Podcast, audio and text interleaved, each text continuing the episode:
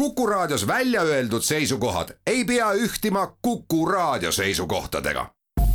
Te kuulate Kuku Raadiot.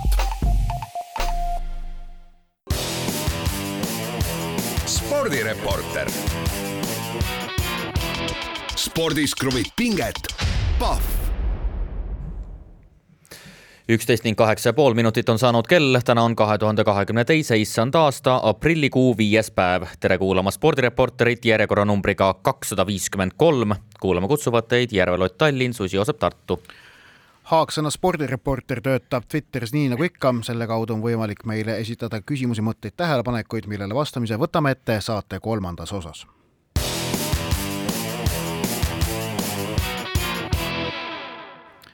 aga alustame saadet nagu ikka kiirete ja aktuaalsete teemadega ning teemaga number üks liigume eelmise nädala keskpaika, kui Budapestis Ungaris toimusi, toimunud maadluse Euroopa meistrivõistlustel võitis Epp Mäe hõbemedali.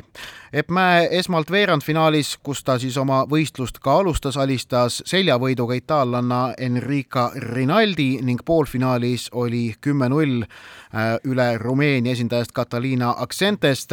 finaalmatš äh, türklanna Yasemin Adariga kulges nii, et Mäe asus seda matši küll vastase passiivsuse toel üks-null juhtima, aga teenis teisel äh, poolajal siis ise passiivsuse ja, ja türklane sellest viigistas ja asus tegelikult juhtima, sest et viimase punkti teeninul on maadlusreeglite järgi prioriteet ja eelis. Äh, kohtumise lõpusekunditel võtet proovides jäi, jäi Mäe ise Aderi haardesse ja niisiis äh, kaotas selle matši lõpuks üks-kolm. EM-hõbe Epp Mäele on tema kolmas medal neljalt viimaselt tiitlivõistluselt. tuletame meelde, mullustelt Euroopa meistrivõistlustelt kuld, siis olümpiamängudel kaotus veerandfinaalis, siis maailmameistrivõistlustelt hõbe ja nüüd Euroopa meistrivõistlustelt ka hõbe neljalt tiitlivõistluselt järjestikust tiitlivõistlust kolm medalit, seda saab nimetada ainult ühtemoodi, see on medalimasin jaa, seda kindlasti, et äh, kui me näiteks äh, toome paralleeli vehklemisega, et me oleme vehklemise medalitega juba niivõrd ära harjunud, et kui jälle tuleb mõni vehkleja äh, medaliga, siis see tundub pigem iseenesestmõistetavusena. et nii ju peavadki maailma asjade seisud välja nägema. aga no võime veel tegelikult pikendada seda medaliseeriat, et kui me vaatame juba natukene kaugemasse minevikku, Las Vegas kaks tuhat viisteist maailmameistrivõistlused ja sellest alates siis siis tiitlivõistlustel, nii Euroopa meistrivõistlustel kolm medalit kui ka maailmameistrivõistlustel kolm medalit ja üks siis ka Euroopa meistrivõistluste kuld, nagu sa ütlesid, et äh, võib taas äh, tervitused Rakvere poole saata, aga äh, jah, võiks tõesti, ütleme, vaadata seda maadluse üldpilti, öelda, et Eesti maadluses praegu on ainult üks nimi, et kui vehklejaid on väga palju, siis kogu Eesti maadlus praegu ikkagi on Epp Mäe õlul, aga teistpidi vaadates siis, kui edukas ja kui stabiilne on olnud tiitlivõistlustel, suurvõistlustel Epp Mäe Eh, viimastel aastatel, siis eh, võib ikkagi noh. see Tokyo, Tokyo tuleb meelde, on ju? Eh, tuleb ikka meelde, et see on, see on selline noh, lihtsalt tööõnnetus ja, ja juhtus jah, ja, ja, ja tõesti vaadates ka vastast, kellel ta veerandfinaalis kaotas, olgugi,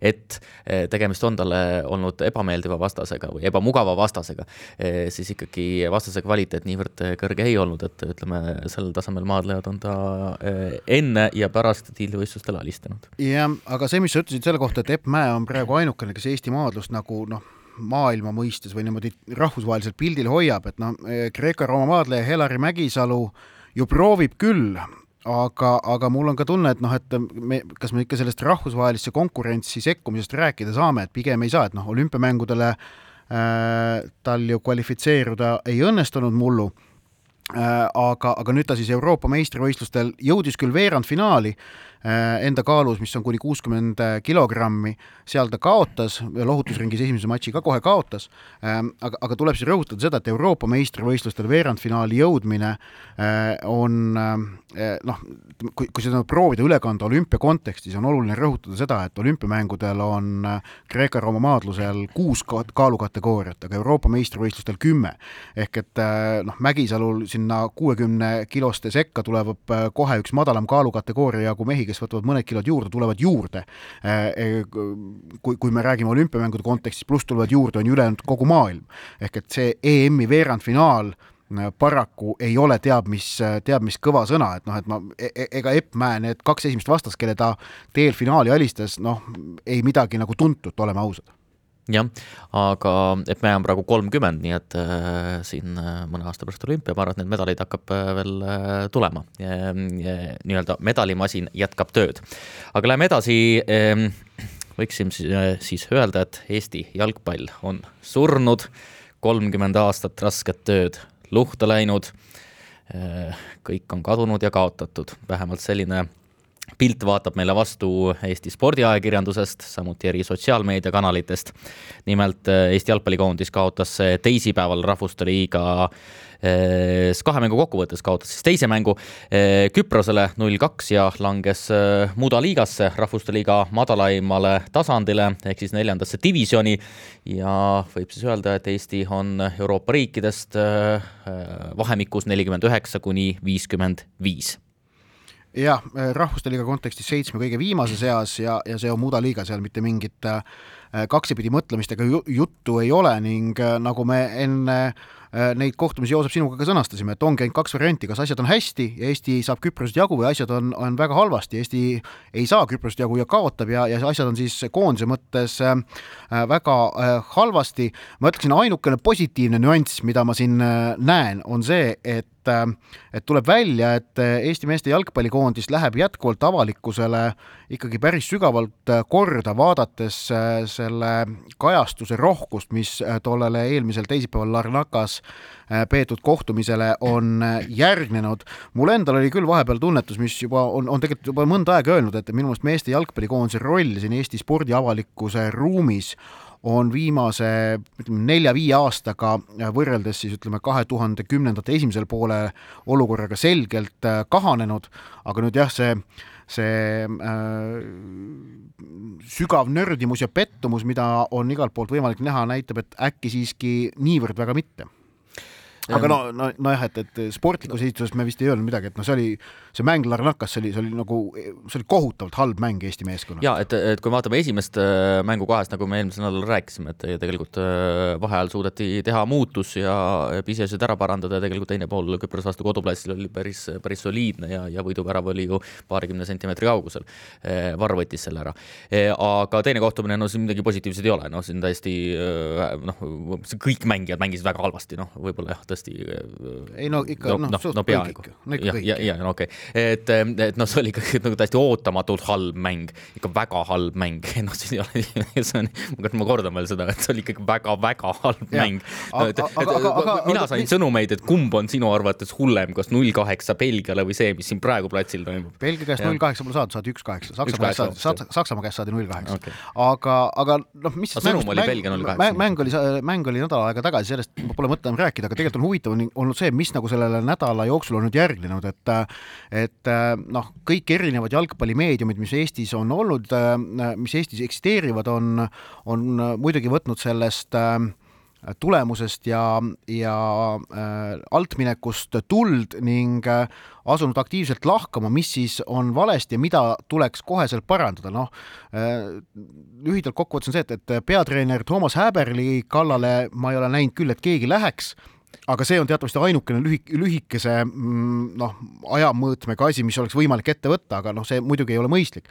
räägitakse tegelikult praegu ikkagi eelkõige lahendustest ja asjadest, mille mõju hakkaks avalduma alles päris kauges tulevikus, ehk et eelkõige räägitakse noorte treenerite kvaliteedist jah, või et Eesti jalgpallurid peaksid õppima jooksma näiteks, aga eh, tegelikult, mis mind eh, laiemalt ikkagi eh, nagu eh, segadusse ajab, on ikkagi see, et eelmisel aastal, enne ka Küprose mänge sellel aastal, me rääkisime kogu aeg sellest, et Eesti jalgpallikoondis on astunud sammu edasi Häberli käe all eh,. aga, kaks tuhat kakskümmend üks näitas, et oligi. jah, jah eh,, seda esiteks, et Balti turniir võideti, väravaid löödi, noh, nüüd olid ka selgelt sellised eh, isikkoosseisu probleemid teises kohtumises meeskonnas käid puudu, ründajad ei saa mängida kuus puudu ja nii edasi.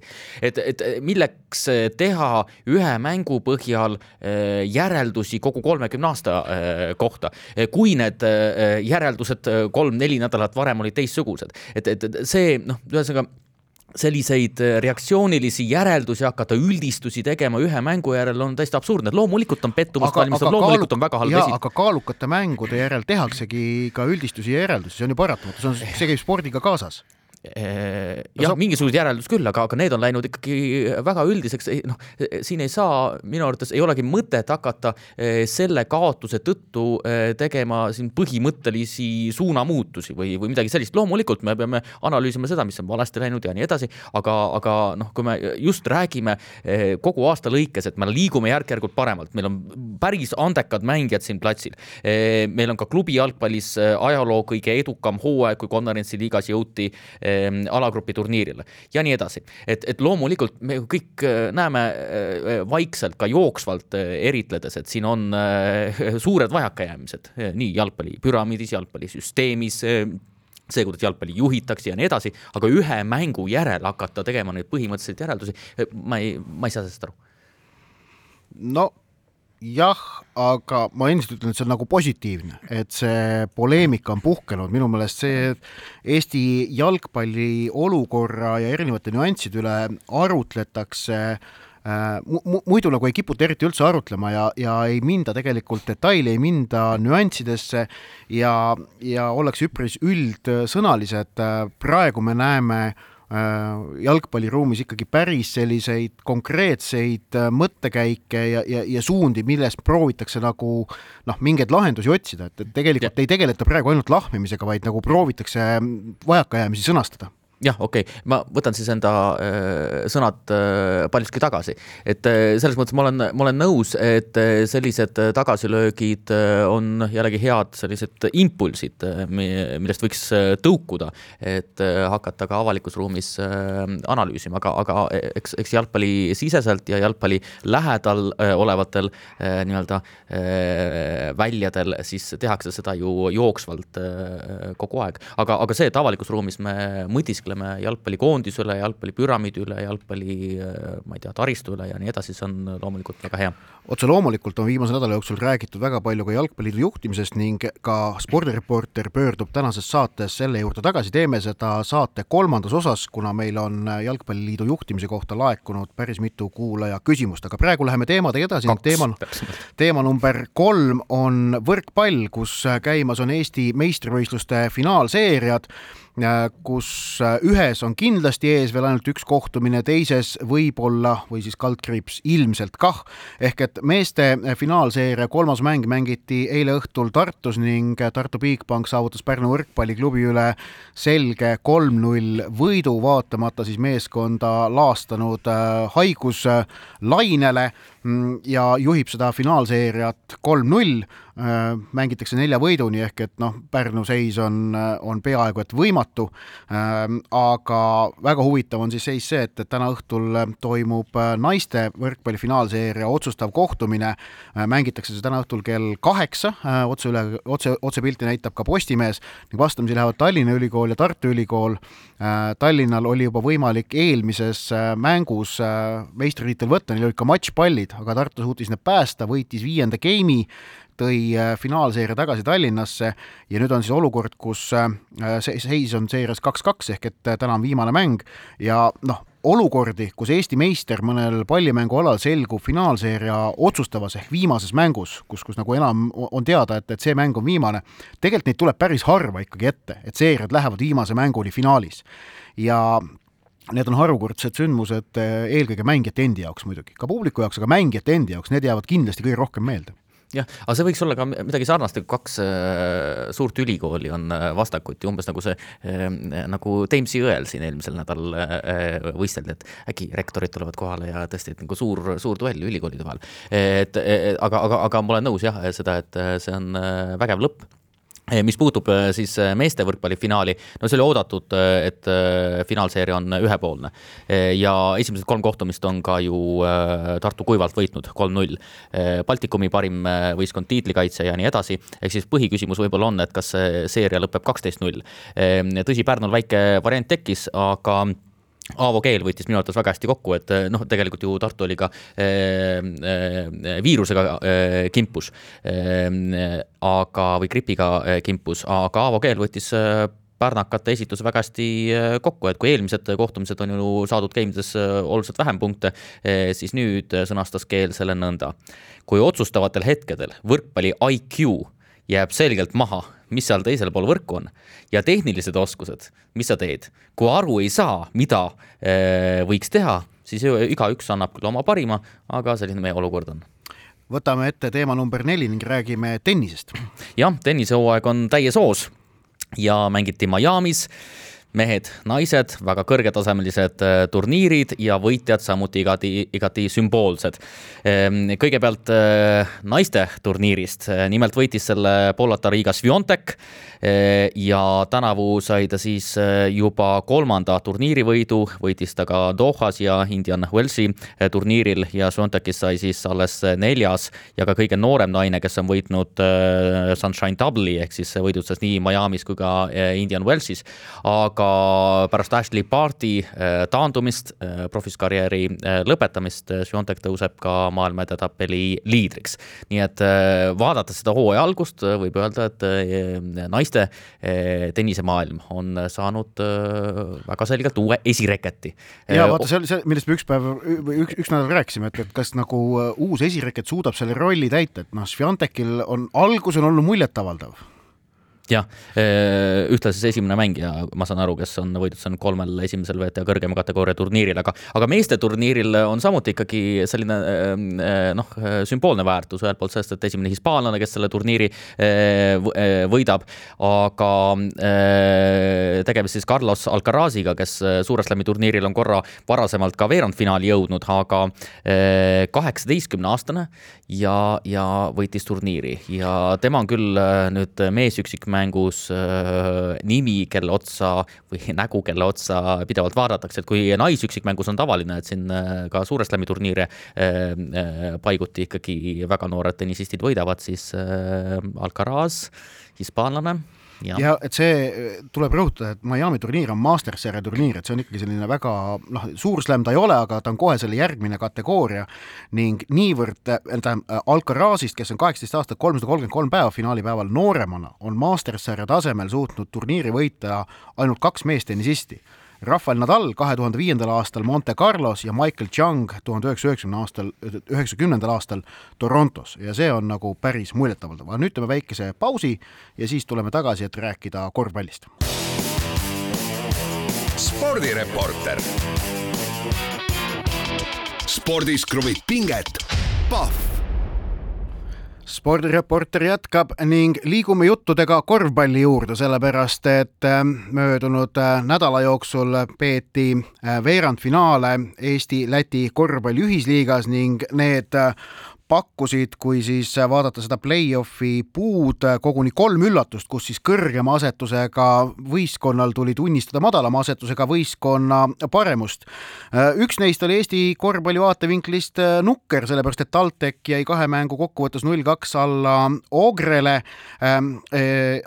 see, et Tartu kaotas Riia VEF-ile, oli, oli oodata, Riia VEF oli, oli ju põhiturniiri võitja, Tartu alles kaheksas, aga ülejäänud kaks veerandfinaali olid need, millel, mis pälvisid pälvisid palju tähelepanu ning siis mõlemad osutusid totaalseks maiuspalaks kõigile spordipõnevust nautivatele gurmaanidele.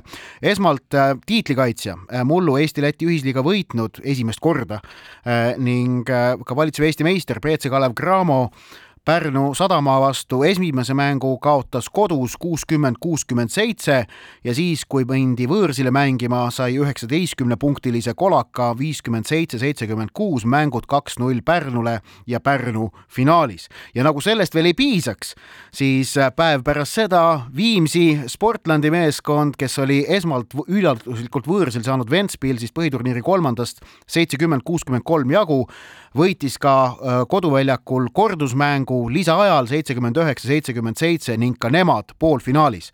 ehk et äh, välja langesid põhiturniiri teine, kolmas ja neljas ning see tähendab seda, et äh, nädalavahetusel ühes poolfinaalis vastamisi Läti klubid Riia VEF ja Ogre ning teises Eesti klubid Pärnu Sadam, Viimsi Sportland. ja see on suur üllatus ja, ja noh, vägev värk jah, äh, kui me vaatame ka põhitabelit, äh, põhiturniiri äh, tabelit, siis väikeseid indikatsioone oli, et põnevaks läheb. et vaadates, olgu, VEF võidab ja, ja saab kakskümmend kolm võitu, aga edasi tegelikult ikkagi kohad noh, teine-kolmas, Cramo Ventspils võrdlemisi võrdsed ja tegelikult kuni üheksanda kohani välja, sest Rapla ju kõige napimalt jäi, jäi edasipääsust ilma. aga teisel-kolmandal kohal oli ikkagi selgelt ju rohkem võite kui järgneval järgnevatel? no kolm võitu rohkem okay.. ei, mitte väga palju, mitte väga palju. kolm võitu rohkem kui Tehnikaülikoolil, nii et äh, selles mõttes äh, põnev. Oli, oli juba põhiturniir ja et ütleme seal kuskil noh, Viimsi võib hammustada põhimõtteliselt Ventspilsi näiteks, et no sellised asjad olid õhus. aga, aga tore on muidugi see, et Eesti-Läti finaali saame taas nagu eelmisel aastal, kui eelmisel aastal me rõõmustasime selle üle, et lõpuks Kalev Cramo, VEF on vastakuti ja Kalev Cramo võidab lõpuks ja paneb paremuse maksma, siis sedapuhku no finaal on ühest mängust, eks kes iganes Eesti klubidest sinna finaali läheb, noh šanss on kindlasti VEF-i vastu, kes ilmselt on Läti esindaja suurem kui seerias, aga kokkuvõttes ma saan aru ikkagi üpriski väike. aga mul kokkuvõttes selle, selle poolfinaali, nüüd Pärnu-Viimsi poolfinaali eel, mul tuleb meelde millegipärast kahe tuhande kümnenda aasta Eesti meistrivõistluste poolfinaalseeria, kus olid vastamisi Rakvere, Tarvas ja TTÜ, mida juhendasid Andres Sõber ja Aivar Kuusma. Tarvase eest mängis, mäletab, kes mäletab, Martti Müürsepp ka veel oma viimaseid mänge ja, ja toona oli ka, et, et kus nagu kuna, kuna Tartu Üli, kuna Tartu Rock ja Kalev Cramo olid toona sattunud siis teise poolfinaali põhiturniiri sellise ootamatuse tulemusel, siis see, see poolfinaal Tarva ja äh, TTÜ vahel toona oli selline noh, noh, tohututele panustele mäng, sest mõlemad said aru, et see on harukordne võimalus, äkki isegi ainulaadne võimalus mõlema jaoks finaali pääseda. ja eks, eks Pärnu ja Viimsi jaoks ma usun, see Eesti-Läti ühisliiga äh, poolfinaal, noh natukene midagi sarnast, eriti muidugi Viimsi jaoks. Pärnu, kes on siin tegelikult ju mullu saanud ka Eesti meistrivõistluste finaali maista, ilmselt, ilmselt natukene vähem. et, et see on selles mõttes selline, selline paralleel mul tekkis, aga, küsimus muidugi see, et mis nüüd selle Eesti-Läti ühisliiga tähtsus ikkagi siin korvpallimaastikul on võrreldes just nimelt Eesti meistrivõistlustega, kus veel põhiturniiri on natukene minna ja mille, mille sõelmängud algavad äh, aprilli lõpus minu teada ja võib-olla jah, umbes seal, äh, aga äh, Eesti-Läti liiga tähtsus ja erinevus, et noh, vaadates juba seda tabelit, mulle tundub, et see Eesti-Läti liiga, esiteks juba see võistkondade võrdsus ja selline tasakaal, et see lisab sellele turniirile tähtsust, aga, aga kui. aga samas ma, ma, noh, ma arvan, kui Kalev Cramole antakse valida, kas te, kas, et, et mõlemat ei saa Eesti-Läti ühisliigat ja Eesti meistritiitlit ei saa, kumma võtaksite? kindlasti meistrivõistlused, kindlasti meistrivõistlused, eh, aga siin ja, on ja see on teine aspekt. see on vaata Eesti-Läti ühisliiga probleem, tegelikult see asi peaks olema vastupidi eh, jaa, aga siin on küsimus ka näiteks meistrite liigas. nojah, eh, paraku jah, okei nõus, see on selge. et, et Cramo peab kindlasti kodused meistrivõistlused võitma tänavusel aastal, sest VTB ühisliigas loodetavasti nad tulevasel aastal kaasa ei, ei tee. aga tegelikult need on ikka laiemad küsimused, sest mulle tulid paljud teised kohtumised ka Eh, meelde, kasvõi ikkagi see kaks tuhat neliteist, kaks tuhat viisteist Eesti meistrivõistluste finaalseeria, kus tegelikult Kalev Cramo oli selge favoriit ja Tartu Rock võitiski mängudega neli-üks ja. aga see on ja... ka ainukene kord alates aastast kaks tuhat üksteist kui Kalev Cramo pole Eesti meistriks tulnud, et see, see, see, seda tuleb ka meenutada. jah, aga, aga see küsimus võib-olla ongi, ongi äh, kuidagi laiem, et, et Kalev Cramo komistab ju päris tihti ta on viimastel aastatel komistanud väga tihti, ta äh, suudab äh, hammustada Euroopa absoluutseid tippe, aga komistab väga tihti, et kas siin küsimus on äh, tõesti, olgu, Kalev Cramol on selja taga keeruline hooaeg, noh nagu Ameerika mäed, nagu ütles härra Reinbok, nõus. Ja siin on neid muid muutujaid palju, kolm liigat, keerulised liigad ja nii edasi. aga kas küsimus on otseselt motivatsioonis, et, et, et, et vastased on muidu ikkagi hoopis teisest puust või et, et kas minnakse kuidagi teistmoodi mängima või, või, või, või milles aga, aga no ilmselt nii ongi, et minna minnaksegi, et aga, aga see, et nad on Eesti ja ka vastased meistri..., ja ka vastased ilmselt mobiliseerivad ennast rohkem, et jah, jah, aga samas see, et nad on Eesti meistritiitli alati ära võtnud, tegelikult ikkagi alati nüüd üksteist aastat järjest ühe erandiga, siis see jällegi samas näitab, et otsustavatel hetkedel nad on üle olnud ja, ja, ja no küsimus ongi nüüd intriig korvpallihooaja edasise osas ongi see, et kas Cramo tuleb ikkagi tänavu Eesti meistriks või mitte? No ilmselt tuleb, aga sellest me jõuame õige pea rääkida muidugi, aga eh, mis on jällegi tore vaadata ka seda poolfinaali Pärnu ja Viimsi vahel, et äh, mulle meeldib, et ikkagi ka kas praegused koondislased või endised koondislased, sellised väga tuntud korvpalli, korvpallurid, et need on kuidagi laiali eri, eri satsides, et siin ei ole ainult kaks suurt sätti, satsi. aga teeme nüüd väikese pausi ja võtame siis ette kuulajatelt laekunud küsimused spordireporter. spordis kruvib pinget, Pahv spordireporter jätkab, Joosep Susi jätkuvalt Kuku raadio Tartu, mina Ott Järvela Tallinna stuudios ning võtame ette kuulajatelt laekunud küsimused ning nagu saate esimeses osas sai lubatud, esimesed kaks küsimust puudutavad Jalgpalliliidu juhtimist. esmalt Marti on meile Twitteri kaudu esitanud küsimuse. palun reastage põhjused, miks peaks Aivar Pohlak tagasi astuma, alustades tähtsaimast ja annab meile ette ka loetelu, mis koosneb viiest põhjusest Need on siis tema välja toodud punktid. esiteks, meestekoondis mudas, teiseks, noortekoondised on peksupoisid, kolmandaks, inimene on ebastabiilne ja läheb teistele kallale, neljandaks, äh, ajab Flora ja Jalgpalliliidu rahakotid sassi, viiendaks, on silma paistnud Putini ja Venemaa kummardajana küsimus tõukub siis äh, kahest asjaolust ilmselt jah, esimene asjaolu peamiselt on äh, seotud sellega, et äh, Eesti jalgpallikoondis langes Rahvuste Liigas äh, neljandasse divisjoni.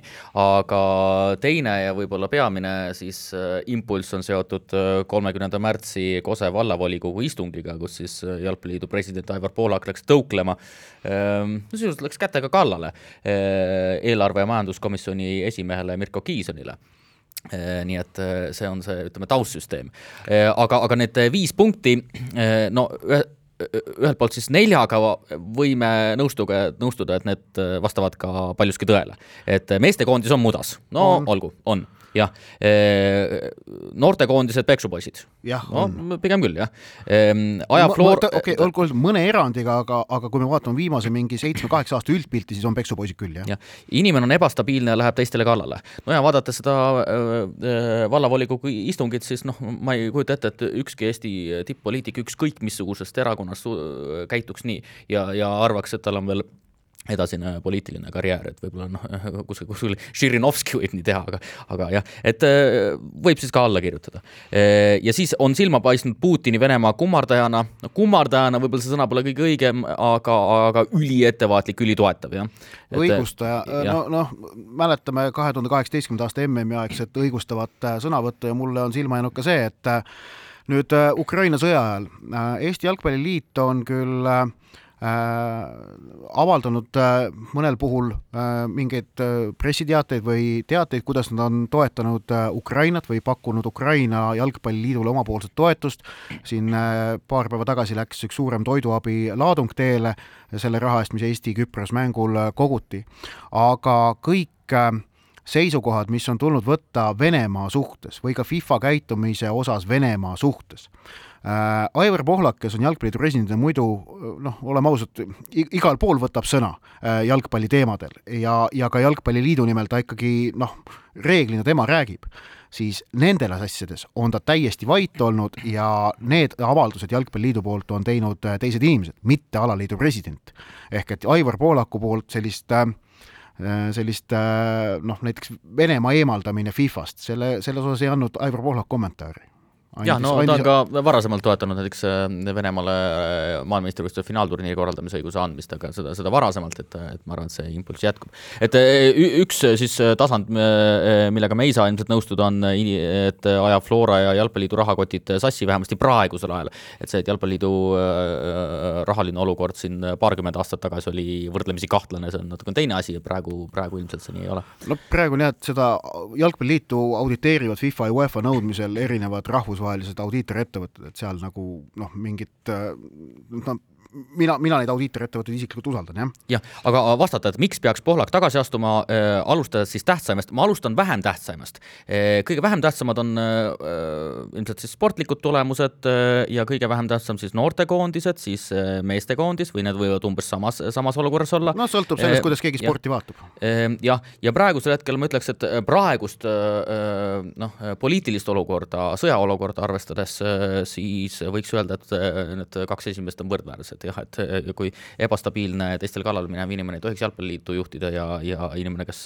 toetab kuidagi avalikult Putinit või, või, või, või Venemaad praegu ei ole ka väga hea normaalses Euroopa riigis pärast Kose vallavolikogu istungil juhtunu avalikuks tulemist oleks Jalgpalliliidu president esitanud koheselt lahkumisavalduse kui ta ei oleks seda esitanud, oleksid äh, Jalgpalliliidu juhatuse liikmed seda temalt küsinud.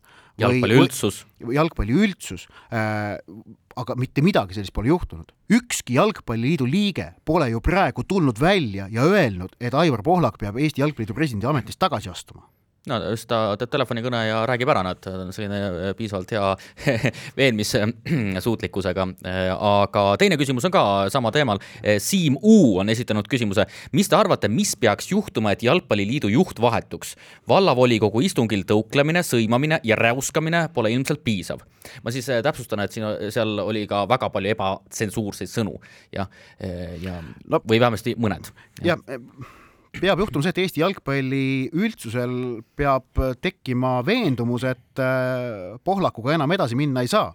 aga tuletan meelde, et aasta aega tagasi valiti Aivar Pohlak nelja-aastase mandaadiga Eesti Jalgpalliliidu presidendiks häältega seitsekümmend kolm poolt, kolm vastu no see on, see, see, noh, tegelikult sisulist sisemist opositsiooni Pohlakul ei ole. Äh, ja noh, tal, tal ütleme, need, need äh, proovitakse, mitte proovitakse, vaid aeg-ajalt väidetakse, et Pohlakul noh, et tal on, klubid on tal käpa all. noh, me võime leida äh, Pohlakul seoseid mingi hulga jalgpalliliidu klubidega, kus need on nagu sellised otsesemad aga see, et tal seitsekümmend kolm klubi või, või isegi pooled neist käpal oleksid, see on nagu välistatud, need on ikkagi iseseisvalt tegutsevad äh, jalgpalliüksused ähm,. aga, aga praegu ma ausalt öelda noh, ma, ma endiselt ei näe Eesti jalgpallis seda jõudu, mis, mis tahaks äh, muudatused esile kutsuda. põhikirja järgi öö, äh, mm, oleks vaja kahe kolmandik, ei, vabandust, viisteist protsenti liikmeid on vaja, et kokkuda kutsuja erakorraline üldkogu, kus peavad kaks kolmandikku liikmetest kohal olema ja kui seal omakorda vatsu, otsuseid vastu võtta, siis, siis tuleks vist kaks kolmandikku pidi poolt olema minu arust, et noh, see lävendid on päris kõrged, ma ei näe, et seda niipea oleks juhtumas jah, et ütleme, sellest tõuklemisest kindlasti äh, ei piisa ja, ja minu arvates ma ei tea no,, noh, jah, et, et äh, mis on kõnekas? jah, äh, mingisugune selline ikkagi rangemat sorti, vängemat sorti kriminaalkaristus oleks võib-olla see, mis tõesti kiiremas korras selle olukorra lõpetab. aga, ja vabatahtlikult loomulikult mitte, sest Pohlaku käes on ju jalgpalli ajalooline tõde lähme edasi. jaa, äh, Mihkel on meile esitanud küsimuse, Eesti vormelikommentaatorid rõhutavad, et boksis vahetatakse rattaid, mitte rehve. kogu muu jutt käib aga rehvide erinevatest omadustest, seega vahetuse mõte on ju rehvide asendamises. kumb väljend on korrektsem? Inglise või saksa keeles ei räägita rattavahetusest eh, nojah, eh, tähendab, Tarmo Klaar räägib õiget juttu selles mõttes, et tõesti, kui me vaatame, mis seal toimub otseselt siis ju vahetatakse rattad ära. jah, ratas võetakse küljest ära, uus pannakse asemele. jah, no nii on selles mõttes. aga põhjuseks, miks ratas vahetatakse, on see, et mitte, et see rattaosa oleks kulunud, vaid see, et rehv on kulunud, on ju. lihtsalt vahetus... see on kiirem jah, nii et, et, et kas peaks muutma, noh, mm, selles mõttes ma arvan, et mõlemat pidi on äh, aga inglise keeles öeldakse ka tire, mis on, peaks ka rehvi, mis tähendab ka ju rehvi ikkagi, et me ei räägi, ei räägita rattavahetusest inglise keeles, vaid, vaid ka rehvi vahetusest nojah, eks, eks, eks, eks see sealt ole tõlgitud. mida, mida inglased teevad või see ei, ei puutu ju asjasse, et me räägime siin eesti keelt. et eh, noh, mingisugused loomulikult mõisted, terminid sealt eh, üle tulevad ja see on paratamatu. aga eh, ma saan aru, et Tarmo Klaar oli see, kes sellele pikemalt ülekande ajal keskendus ja ma olen täiesti nõus, jah, et minu arust tore on pigem see, et sellistele küsimustele pööratakse tähelepanu. nii, meil on nüüd üks pikem küsimus Oi, ees ja, ja see on meil viimane küsimus, mille me jõuame võtta. jaa Äh, kahju, äh, päris häid küsimusi on veel. Madis, jah, Madis on esitanud küsimuse. kuigi Joosepile meeldib pilgata Oti kiindumust protsentide keeles rääkimise suhtes, siis tegelikult on see ju spordis täiesti normaalne, et hinnatakse mingite sündmuste tõe, tõenäolisust mitte määrsõnade, vaid arvudega igatahes panin kokku seitse küsimust, mille osas soovin kuulda Oti vastust protsentides koos väikese põhjendusega. kutsun üles teisi spordireporteri kuulajaid edaspidi samasuguseid komplekte edastama. seega seitse protsendi küsimust härra Ott Järvelale. esiteks, Kalev Cramo tuleb tänavu Eesti meistriks. seitsekümmend viis protsenti kas võin ka öelda või? noh. no üheksakümmend viis. teiseks, Lionel Messi võidab Argentiinaga maailmameistritiitli siin tuleb rõhutada, et siin on öeldud MM-tiitel, et siin teoorias on veel järgmine MM ka nagu mängus, et ta võib veel siis, võib juhtuda, et ta mängib veel siis, kuigi pigem mitte. aga äh, no siis no, pärast on veteranid MM. tead, äh, mul on äh, Messi suhtes, ma siin panen natuke kõhutunde pealt juurde, viisteist protsenti, et Argentiina tänavu, ei, no kaksteist protsenti, et Argentiina tuleb tänavu maailmameistriks. üksteist pool äkki kolmas, Ronnie O'Sullivan tuleb tänavu snuukri maailmameistriks. tahaks pakkuda rohkem, aga üle kahekümne protsendi ei tihka aga väga ei tihkaks. neljas, Naomi Osaka võidab tänavu mõne suure slam'i. nelikümmend protsenti. Äh, tal on kolm võimalust, igalühel circa selline kaksteist, kolmteist protsenti paneme kokku, tuleb äh, nelikümmend ehm, huvitava protsendi arvutus. Äh, ei, ei no kui sul on kolme, kui sul on kolme turniiri peale kokku need, igalühel on kolmteist protsenti võimalust, siis et ta mõne neist võidab, need tulebki kokku panna. ehk et, et aga mina ütleks, et see tõenäosus on suurem, et ma arvan, et Osaka võidab tänavusel aastal. Ehm, viies, Anett Kontaveit võidab tänavu mõne suure slam'i. kolmkümmend protsenti. okei, ehm, kuus, Susi ei tee järgmise nelja saate jooksul Järvela protsendiarmastuse kohta ainsatki nalja. üks protsent. kolm ja seitsmes, Kelly Sildaru võidab tänavu aasta naissportlase tiitli. seitsekümmend viis protsenti jah, pead tennist silmas, jah, ma arvan, et see on ikkagi, see läheneb üheksakümnele. no ja vehklemise MM-kullast või kui juhtub, võib ka nagu, võib ka nagu piisata, eks näis. aga teeme väikse pausi. spordireporter. spordis kruvib pinget, Pahv spordireporter alustab oma lõpusirgega, mille jaoks oleme me endale jätnud väga vähe aega, aga siis tuleb olla kiire nagu Charles Leclerc või Max Verstappen ning sellest teemast läbi kihutada. tahame rääkida Venemaast, Fifast, jalgpallist, spordipoliitikast äh, ning ajendiks ja tõukeallikaks siis eelmisel, samuti eelmisel nädalal toimunud Rahvusvahelise Jalgpalliliidu FIFA äh, kongress, kus kinnitati vene keel üheks äh, FIFA ametlikuks keeleks, kus Venemaa Jalgpalliliit oli oma lipu ja esi-, esindajatega kenasti kohal, kuna Ukraina jalgpalliliidu esindajad äh, võtsid äh, konver-, kongressil sõna kuulivesti kandes Kiievi tänavatelt äh, ning kus Venemaa liikmelisuse mm, küsimust ehk see selle kas siis väljaviskamist või peatamist isegi mitte ei arutatud. Ähm, ja, ja kõik see tekitas õigustatud küsimuse, et miks siis nii ja noh, kui nüüd lühidalt kokku öelda, siis äh, siis mitte ainult ei ole ju tegelikult äh, küsimus ikkagi ainult mitte ainult Fifas, vaid ka mitmetes muudes spordiorganisatsioonides, aga FIFA muidugi torkab väga selgelt silma, sest on Rahvusvahelise Olümpiakomitee ja UEFA kõrval üks kolmest väga mõjukast, noh, kõige mõjukamast maailma spordiorganisatsioonist ja no see oli, äh, kui ma seda uudist kuulsin, äh, tõesti, mina ootasin ikkagi seda, et tegeletakse siis äh, sellega, et kas Venemaa liikmelisus peatada või mitte ja siis esimene uudis on hoopis seotud sellega, et, et Venemaa on nüüd ametlik töökeel. ja et tõesti hämmastav, aga jah, ütleme. see, see, see, see on, see on nagu noh, nii eluvõõras ja võlts, et see, see, see FIFA ei saa mitte kellelegi mitte midagi ette heita, kui nad öeldakse, et noh, te olete täielik idikate kamp seal, noh jah, noh, kas just nii sõnastada, aga põhimõtteliselt küll, et eh, aga, aga see ongi suuremate selliste äh, spordiorganisatsioonide ja, ja peamiselt suuremate organisatsioonide viga, et no samamoodi, kui me vaatame siin äh,, mida eile armastatud Poola armastatud peaminister ütles, et tõesti sanktsioonide taga on põhimõtteliselt ikkagi, sanktsioonid on kinni põhimõtteliselt ikkagi Saksamaas ja või, või Saksamaa taga kinni. jah, just, hästi sõnastatud, et suuremates riikides, suuremad majand-, majanduslikud huvid ja ja tegelikult äh, FIFA puhul ju samamoodi, et ikkagi see noh, äh, sõltuvus Venemaast, sõltuvus Katarist, Saudi Araabiast ja nii edasi on äh, märgatavalt suurem kui väiksematel spordiorganisatsioonidel, kes on dünaamilisemad nagu, nagu alati väiksemad ettevõtted, organisatsioonid. laiem, laiem